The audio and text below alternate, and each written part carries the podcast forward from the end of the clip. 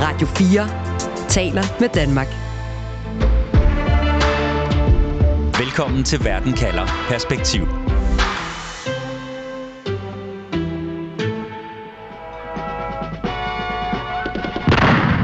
One and a quarter million South Vietnamese civilians killed or wounded. Mr. William Rogers completes the signing of a peace with honor. But the fighting continues as the ink dries on the peace agreement. Ja, i denne måned er det altså 50 år siden, at fredsaftalen blev underskrevet mellem USA, Sydvietnam og det kommunistiske Nordvietnam. Og USA officielt kunne trække sig ud af en historisk upopulær krig, både hjemme og ude i verden. Det har ikke afholdt USA fra at involvere sig i en række andre krige rundt om i verden, blandt andet i Irak og Afghanistan.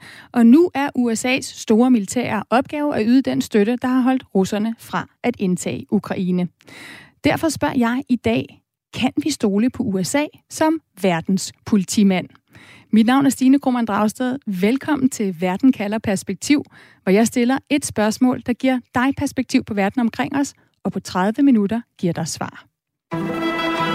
Du lytter til Radio 4.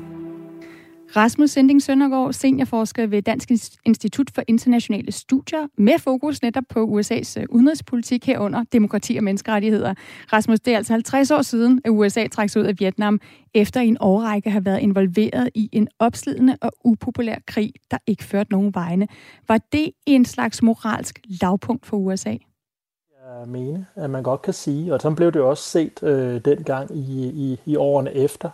Altså der var jo sådan en... Øh, udbredt opfattelse af, at man havde øh, tabt noget af sin uskyld. Øh, indtil da, så havde man en fornemmelse af, at man var ligesom de, de gode, de gode guys, ikke?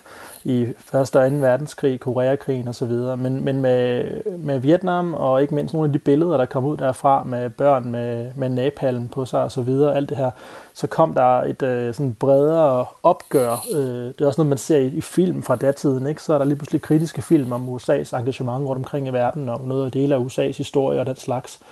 Og øh, i årene efter, så bliver det meget sådan noget med, at man, man frygter for øh, et nyt Vietnam. Ikke? Og hver gang mm. man engagerer sig militært et sted, så er der bekymringer for, om man nu kommer ud i et nyt Vietnam. Og der, der, med det der mener man selvfølgelig altså en langvarig krig, hvor der ikke rigtig er udsigt til en militær sejr, til en løsning. Og Rasmus, øh, og det er i dag... præcis det, vi ser med Irak og Afghanistan ja. øh, her nu her i nyere tid. Ja, hvad, hvad har det betydet i dag for USA's lyst til at være politibetjent?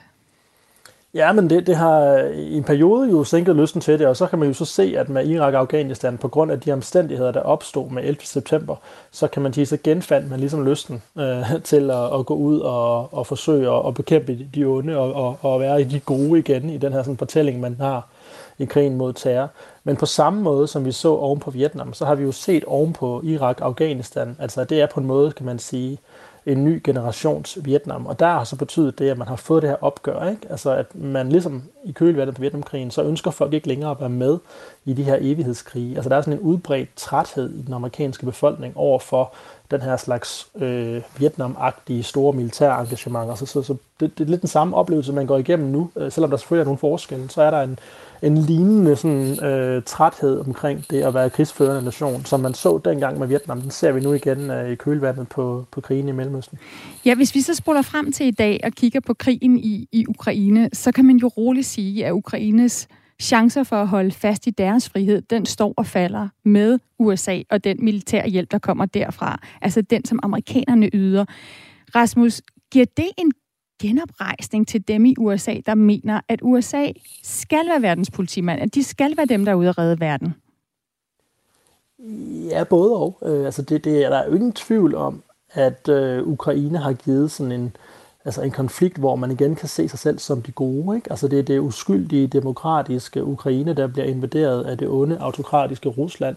Og øh, amerikanerne har så mulighed for, sammen med øh, europæiske allierede og andre, at gå ind og ligesom hjælpe de gode. Ikke? Og det har jo også samlet folk i Washington, ligesom vi har set det her hjemme i, i Danmark og i Europa. Ikke? Altså der har været rimelig bred tværpolitisk opbakning i USA omkring, at her var en konflikt, hvor man vidste, hvem der var de gode, hvem der var de onde, og hvad var det USA's rolle skulle være. Det har været at skulle støtte Ukraine og, og forsøge at stanse Rusland.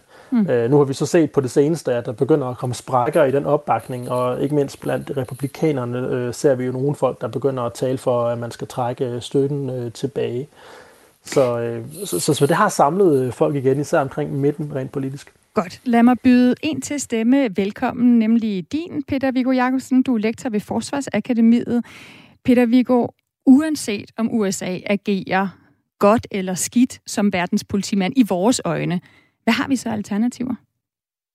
De har ikke nogen alternativer. Altså EU kan jo ikke finde ud af noget som helst, når det drejer sig om at øh, blive enige om en politik, der involverer brug af militærmagt. Man kan godt enes om at sende en håndfuld soldater ned og lave en træningsmission et sted, hvor det ikke er farligt, og hvor der ikke er nogen, der skyder på nogen. Man kan også godt enes om at, at sende, betale, at fælles, fælles finansiere, at man sender våben til Ukraine. Men så snart de kommer ud over det, så er der ikke nogen enighed blandt EU-landene om, hvordan man skal håndtere det. Franskmændene og tyskerne har to vidt forskellige idéer om, hvad der EU skal gøre på det rent militære område, og derfor så er der øh, for nuværende ingen alternativ til USA, når det handler om at at håndtere øh, konflikter og kriser, også i Europas nærområder, der involverer brug af militærmagt. Vi så det i Syrien, vi har set det i forhold til Libyen. Øh, der er ikke nogen steder, hvor EU selv kan gå ud og spille en rolle, selvom vi har en meget stærk geopolitisk interesse i at sørge for, at der er stabilitet i, i hvad det hedder, Nord, Nordafrika eksempelvis. Mm. Peter Viggo, for 50 år siden, da amerikanerne trak sig ud af Vietnam, var det USA og Sovjetunionen, der kæmpede på den globale scene.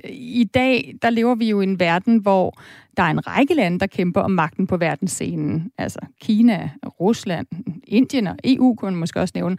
Hvad, hvad betyder det for USA's rolle som verdens politibetjent? Jeg tror, man skal passe på med, hvordan man definerer det der med politibetjent. Fordi hvis vi går tilbage til, til 2. verdenskrig og kigger, så ser vi jo, at amerikanerne har engageret sig i krige, som de definerede som værende i deres øh, øh, strategiske interesse på den ene eller anden måde. Der var øh, Koreakrigen, som er blevet nævnt, der var Vietnam og Laos og Kambodja, og den konflikt deromkring, så var der en periode, hvor man ikke rigtig gjorde noget. Så førte man stedfortræderkrig i Afghanistan.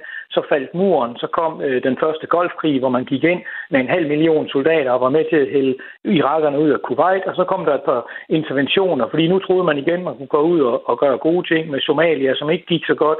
Bosnien, som også var øh, sådan på, ikke, ikke, ikke så god, god, som amerikanerne gerne ville, og Haiti, der, der også sådan var lidt på kanten, og så kom der sådan lidt, uh, ikke så godt det her, så kom 9-11, øh, og så fik vi den her krig mod terror, og nu er der så en ny konfrontation, som amerikanerne definerer som konfrontationen imellem øh, USA og Kina, hvor Rusland kommer til at spille en birolle, fordi de nu får flæsket deres militære kapacitet i, i, i Ukraine. Men vi ser ind i en verden, hvor der kommer til at være en, en kappestrid med, militær og økonomisk mellem Kina og USA. Og i den kappestrid, der vil amerikanerne også være villige til at engagere sig militært for at inddæmme kinesisk indflydelse og modarbejde kineserne der, hvor amerikanerne mm. finder det vigtigt. Så, så Peter Viggo, hvis vi kigger på amerikanernes motiver i dag, hvor de både kigger mod Kina, men hvor de lige nu er dybt engageret i krigen i Ukraine i forhold til militærstøtte. Er det så først og fremmest snævre egeninteresser, der driver USA, eller er det overbevisning om at gøre verden til et bedre sted?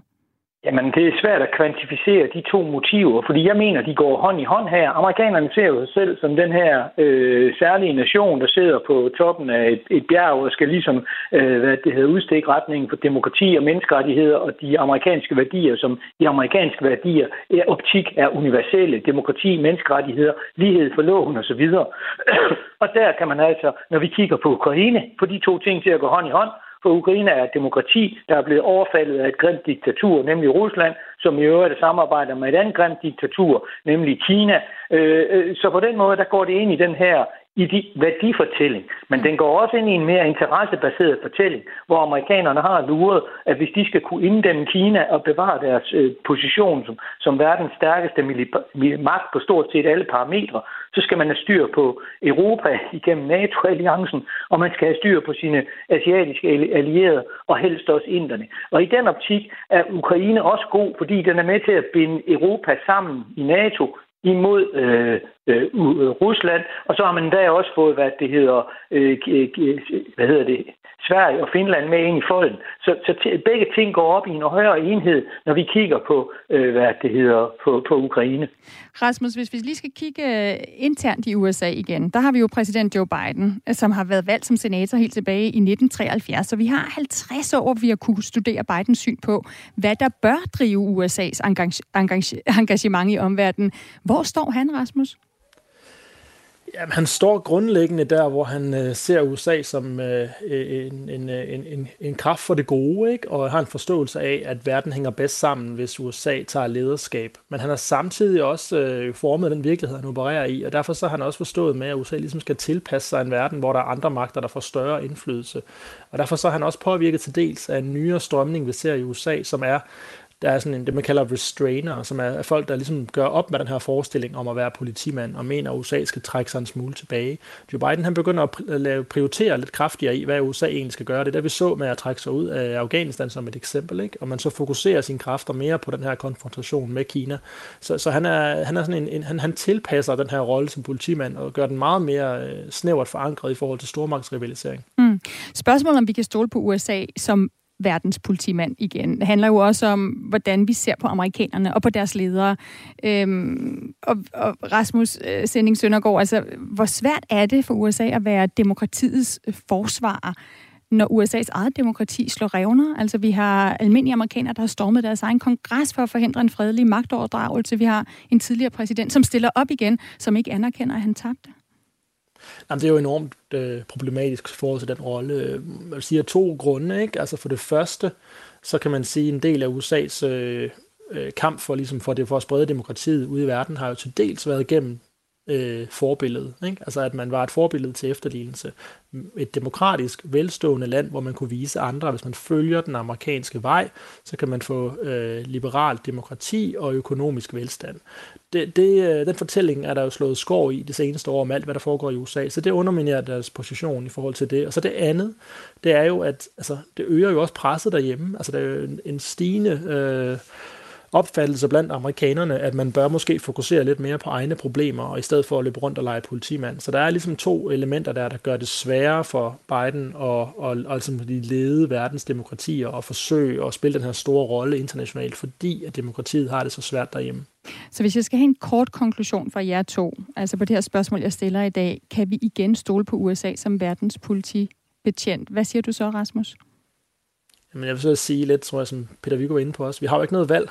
Altså som verden ser ud nu, så har vi jo kun USA øh, at stole på.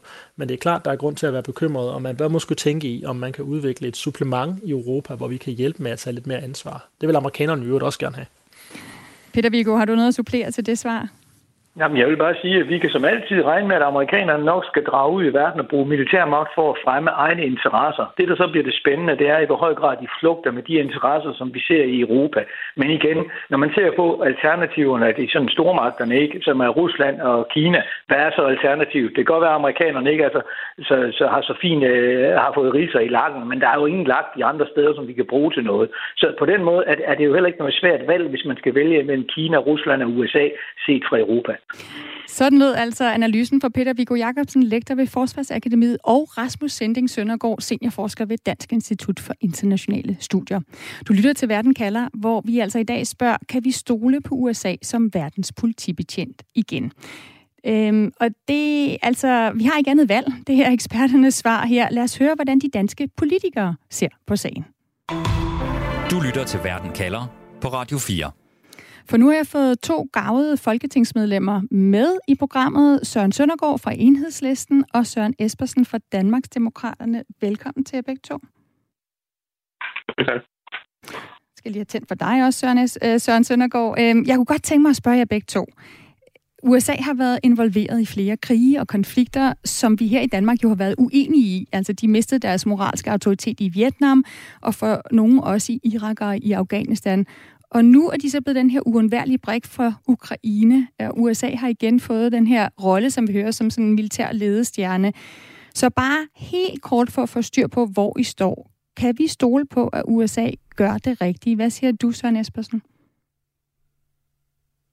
Fordi altså, det, vi synes, der var rigtigt, eller så vi i hvert fald øh, synes var rigtigt i forbindelse med Afghanistan og også med, med Irak, det viser sig senere ikke at være så godt. Men vi, vi følger jo USA i tygt og tyndt, stort set, uanset hvad de kommer med, stort set. Og det, det tror jeg også, man forventer fra USA, at NATO-partnerne gør det. Og igen, nu har det desværre ikke hørt optakten, men igen er man nødt til at sige, jamen, vi er nødt til at stole på, på amerikanerne. Hvem skulle egentlig ellers klare det? på at se Ukraine i dag. Hvis ikke USA var der til at tage førerskab, så ville det ikke gå. Søren Søndergaard, helt kort, kan vi stole på, at USA gør det rigtige? Nej, selvfølgelig kan vi ikke det. Det har de jo bevist igen og igen, at de ikke gjorde. Øh, så derfor er det jo nødvendigt med en selvstændig og uafhængig udenrigspolitik, øh, som, som tager stilling til de enkelte sager og ikke har et forudtaget synspunkt. Men øh, Søren Søndergaard, altså lige nu, der står USA jo som helten, kan man godt sige, i forhold til krigen i Ukraine. Altså uden USA, der ville ukrainerne simpelthen ikke have en chance over for russerne. Er du enig i det? Jeg er enig i, at øh, det er rigtigt at levere våben til øh, den ukrainske forsvarskamp. Altså Ukraine er blevet overfaldet af, af Rusland øh, og har derfor ret til at forsvare sig. Øh, og øh, der søger de selvfølgelig våbenhjælp alle de steder, de kan få det. Øh, det er fra USA, det er fra Europa, det er jo også fra Danmark. Øh, Folketinget har jo øh, enstemmigt øh, bakket op om alle de bevillinger, der har været til, til også våbenhjælp øh, til, til Ukraine. Så, så det er jo ikke det samme som at sige, at så skal vi stole på USA i alle mulige andre sammenhænge. Mm. Det synes jeg vil være en, en meget forhastet konklusion. Men Søren Søndergaard, den skepsis, du har over for USA fra Vietnam over Irak og Afghanistan, er den så overhovedet blevet mindre nu med krigen i Ukraine? Nej, det er den ikke. Altså, jeg synes, man skal nære en sund skepsis.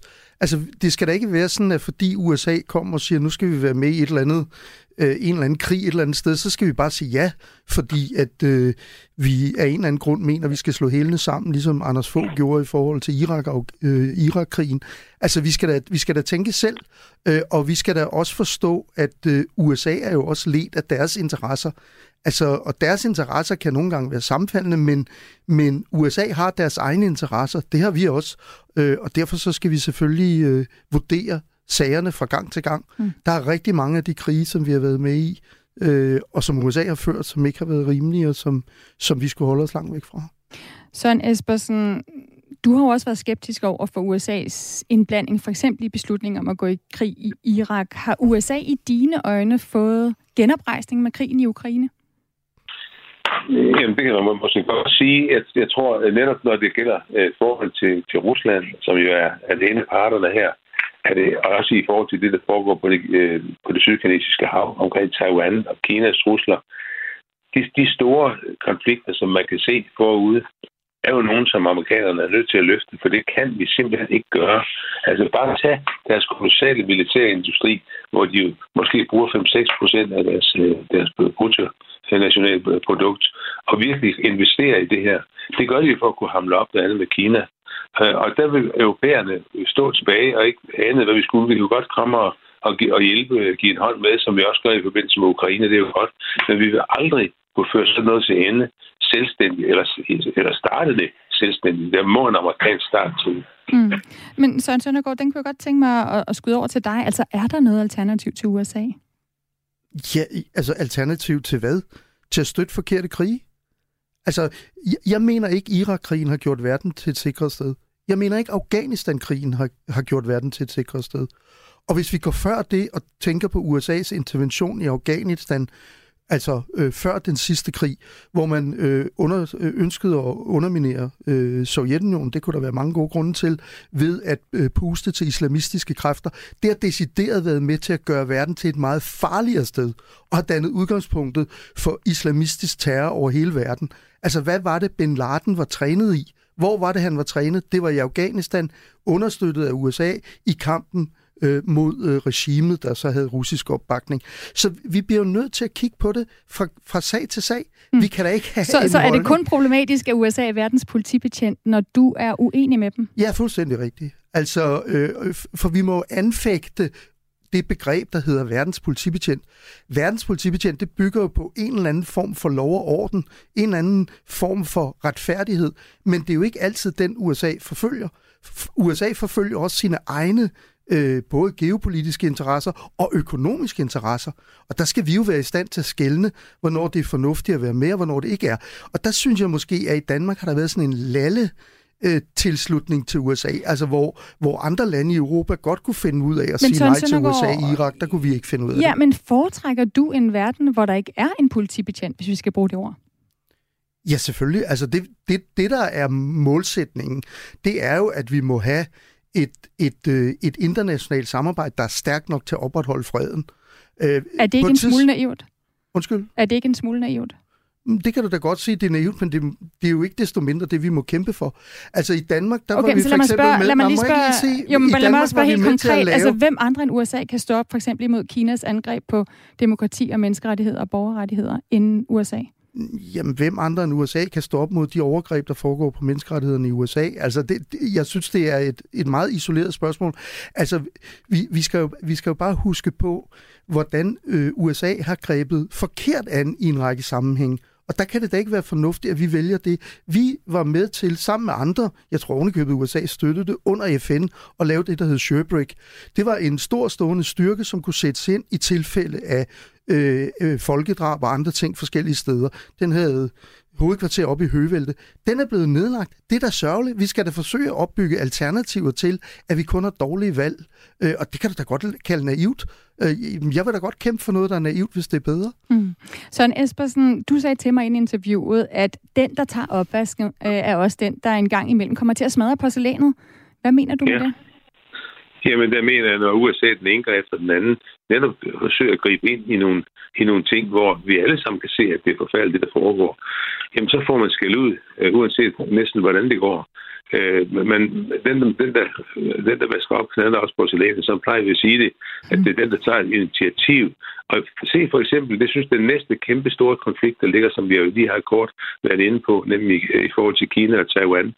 Jamen, der er vi nødt til at have USA til at være i en ledende rolle, sammen med de andre demokratier, der er ude i, i, i, i Asien, som Japan, som Singapore, som øh, Sydkorea osv. Der er masser af steder, hvor at, øh, USA vil kunne få hjælp, men de skal løfte opgaven først og være en trussel over for Kina, er de nødt til at være. Hvor- Og det er jo, Okay. det er jo ikke særlig ret i sig selv. Men Så det bliver de Espersen, nødt til, hvor, ja, hvor Ja. ofte kan USA tillade sig at smadre porcelænet? Altså, hvor ofte kan de tage fejl, og så stadig bevare, bevare den her moralske autoritet i din bog? Ja, nu, nu, nu synes jeg jo nok, man kan nævne nogle ting, hvor USA har, har gjort det ganske udmærket. Jeg vil bare sige 2. verdenskrig. Altså, der, og, og der er der også andre ting, der er foregået rundt omkring, hvor USA har grebet ind. Øh, de store, store ting, som vi blev en del af Irak og Afghanistan, havde man så ikke helt med det, men alle synes jo, det var en rigtig god idé at sørge for at indføre demokrati i Afghanistan. Nu vil man så sådan noget ikke, ikke lade sig gøre i, i et land som, som Afghanistan. Men USA prøvede og prøvede og mistede masser af af Okay. soldater, som vi andre også gjorde. Så lad mig Så spørge, synes, så lad mig øh, spørge ja. på en anden måde. Øh, altså, Søren Espersen, hvordan vil du fremover afgøre, hvornår det er det, de rigtige værdier eller interesser, som USA kæmper for, og hvornår det ikke er? Nå, men det, det er jo sådan, at det er det evige valg og den evige, det evige dilemma øh, for i politik. Man aner jo ikke, hvordan det ender. Men altså, hvis man hele tiden havde en facitliste, der lå klar, hvis vi gjorde det, så sker der det og det. Det har vi ikke. Øh, Politik er et valg.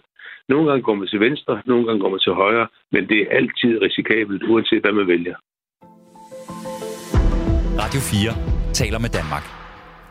Kan vi stole på USA som verdens politimand? Det er spørgsmålet, jeg stiller her i Verden kalder perspektiv.